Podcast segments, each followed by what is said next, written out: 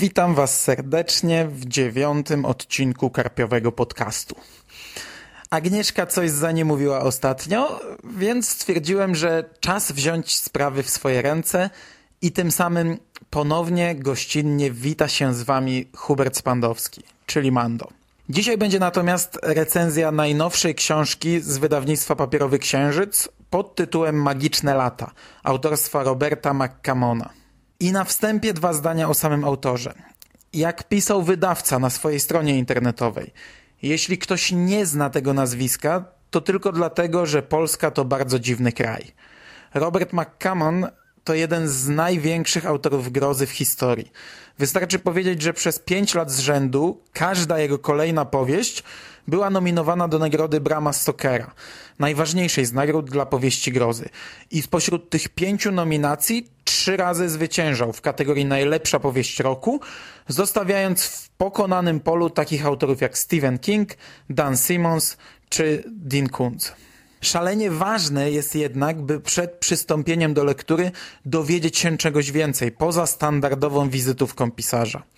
McCammon we wstępie do książki, który swoją drogą jest świetnym tekstem, e, wspaniałym uzupełnieniem części właściwej e, i także znalazł się w naszym wydaniu, pisze trochę o historii magicznych lat. O tym, jak ważna była dla niego książka, jak bardzo cieszył się, gdy ją napisał i jaką wojnę musiał przejść z wydawcą, by ją wydać. Przed opublikowaniem Magicznych Lat pisarz miał już ugruntowaną opinię autora konkretnego gatunku, a Magiczne Lata odstają i to bardzo od tego schematu. Dlatego moim zdaniem tak istotnym jest, by wiedzieć wcześniej, z jaką historią przyjdzie nam się tutaj zmierzyć. Papierowy Księżyc to wydawnictwo, które mnie przynajmniej kojarzy się z horrorem, ewentualnie z fantastyką. Magiczne lata reklamowane są na serwisach poświęconych z grubsza tym właśnie gatunkom. Ja sam mówię do Was te słowa za pośrednictwem portalu, który z założenia zajmuje się horrorem, thrillerem czy ewentualnie kryminałem. Notki biograficzne autora dają nam wyraźny przekaz mówiący o tym, że McCammon to pisarz twardo stąpający po polu, nazwijmy to grozy. A tymczasem Magiczne lata to książka, która oczywiście ma jakiś mglisty związek zarówno z fantastyką, jak i kryminałem, ale jednocześnie jest oddalona od tych gatunków jak tylko się da. Chciałbym, by każdy, kto weźmie do ręki tę książkę, wiedział z góry, z czym ma do czynienia, bo w moim odczuciu jest to książka niemalże idealna. Przepiękna, wspaniała historia i niesprawiedliwym byłoby oceniać ją źle przez błędne oczekiwania. Sam pisarz mówi wyraźnie, że wydawcy bardzo niechętnie zgodzili się na publikację Magicznych Lat, bo nie była to książka z jego gatunku. No i wróżyli mu najzwyczajniej w świecie porażkę. McCammon walczył o swoje dziecko i chwała mu za to. Bo jak sam twierdzi, a ja póki co mogę tylko uwierzyć mu na słowo, do tej pory już nigdy nie udało mu się napisać tak dobrej historii. Muszę na początku zaznaczyć, że to nie jest polska premiera, a wznowienie – w latach 90. były próby wprowadzenia tego pisarza na nasz rynek, które się najwyraźniej nie udały.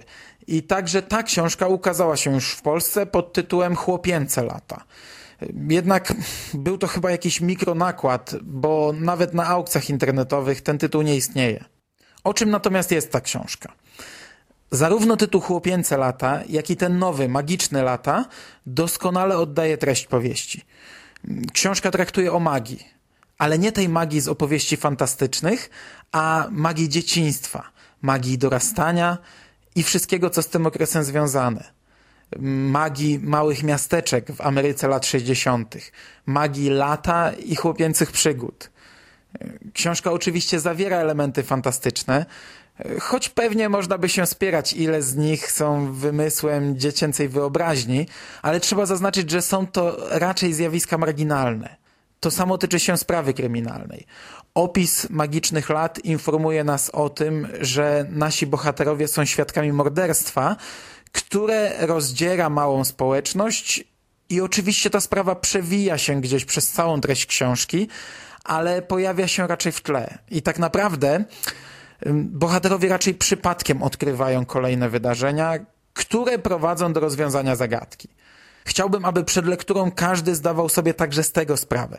Mamy tutaj ciekawy wątek kryminalny, który ostatecznie oczywiście doczekuje się bardzo dobrego rozwiązania, ale Magiczne Lata nie są książką kryminalną, a jedynie ocierającą się o taką tematykę. Powiem tak, gdyby sprawa pozostała nierozwiązana, to książka nadal byłaby spójna i ciekawa. To, co najistotniejsze w tej powieści, to życie naszych bohaterów. Ich perypetie na przełomie całego roku, ich przygody, wzloty, ale też upadki. McCammon nie lukruje i choć przedstawia nam wydarzenia rozgrywające się na arenie sennego, kolorowego amerykańskiego miasteczka z innej epoki, to pokazuje też taki obraz, że czytelnikiem autentycznie wstrząsa. Ja jestem zauroczony tą książką, ale też umiem spojrzeć na chłodno i wiem, że można mieć kilka zastrzeżeń. Po pierwsze, McCammon to gawędziarz i to taki przez duże G. Gawędziarz pełną gębą. A skoro mówi to do was fanatyk Stephena Kinga, to wierzcie mi, że wiem co mówią. Nawet już ze dwa razy określiłem tego autora rozgadanym Stephenem Kingiem. A zdaję sobie sprawę, że to dla niektórych może być minus. Co nie znaczy, że muszę to rozumieć i się z tym zgadzać. Autor przyznaje we wstępie, że podobnie jak King, nie uznaje konspektów książek. Mówi nawet, że tylko raz spróbował napisać coś według planu i książki nie ukończył. Jego opowieść rozwija się na bieżąco, płynie z prądem i to czuć w trakcie lektury. Ktoś w jakiejś recenzji napisał, że Magiczne Lata to jakby powieść w odcinkach. Coś w tym jest, bo McCammon naprawdę skacze z tematu na temat. W książce widzimy rok z życia kilku osób, gdzie osią wszystkiego jest oczywiście nasz narrator, czyli dwunastoletni Kory. Całość podzielona jest na cztery części, odpowiadające czterem porom roku. I w ten sposób zaczynamy od wczesnej wiosny, przeżywamy wraz z dzieciakami ich chłopięce lato, na jesień wracamy do szkoły, by rozstać się z bohaterami zimą. Świętujemy pierwszy dzień wakacji, zasiadamy wraz z nimi do wieczerzy wigilijnej, przeżywamy ten fragment ich życia wraz z nimi. Około 650 stron powieści, w większości obyczajowej, może być jednak dla niektórych czytelników ciężkie do przebrnięcia, dlatego, co powtarzam już któryś raz, ważne jest, by wiedzieć, w co się pakujemy. Jeśli lubicie takie książki jak to Serca Atlantydów y, czy Ciało Stephena Kinga, y, a dokładnie ich część obyczajową, jeśli lubicie Letnią Noc Dana Simonsa, to Magiczne Lata są powieścią dla was. Ja od zawsze powtarzam, że dzieciństwo, małomiasteczkowość i Ameryka na przełomie lat 50. i 60. to coś, za co pokochałem twórczość Kinga i coś, co uwielbiam w opowieściach innych autorów. Dlatego właśnie Magiczne Lata są książką jakby stworzoną dla mnie. Podchodzę do niej niemal bezkrytycznie i jeśli ktoś ma nie docenić jej kunsztu, to wolę od razu zniechęcić go do lektury. Dodatkowo jest to po prostu kopalnia cytatów. Ja zwykle nie czytam w taki sposób książek, ale w tym przypadku kilka razy zatrzymałem się, by chwilę pomyśleć, a czasem wracałem, by jeszcze raz przeczytać całe akapity. Robert McCammon naprawdę umiał w kilku zdaniach uchwycić istotę dzieciństwa, dorastania i konieczności utrzymania w sobie tej magii, która przemija wraz z wiekiem. Dodatkowo jest to przekrój przez cały rok życia, czyli coś, co uwielbiam. Książka w zasadzie na każdy okres. Ale myślę, że najlepszym okresem do jej czytania jest właśnie lato, czyli pora roku, która już puka do naszych drzwi.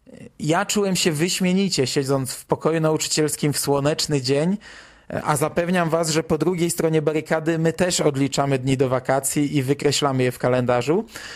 Czułem się wyśmienicie siedząc w szkole i czytając o tym, jak Corey wraz z przyjaciółmi czekał na ostatni dzwonek, a potem chłonął pierwsze dni lata.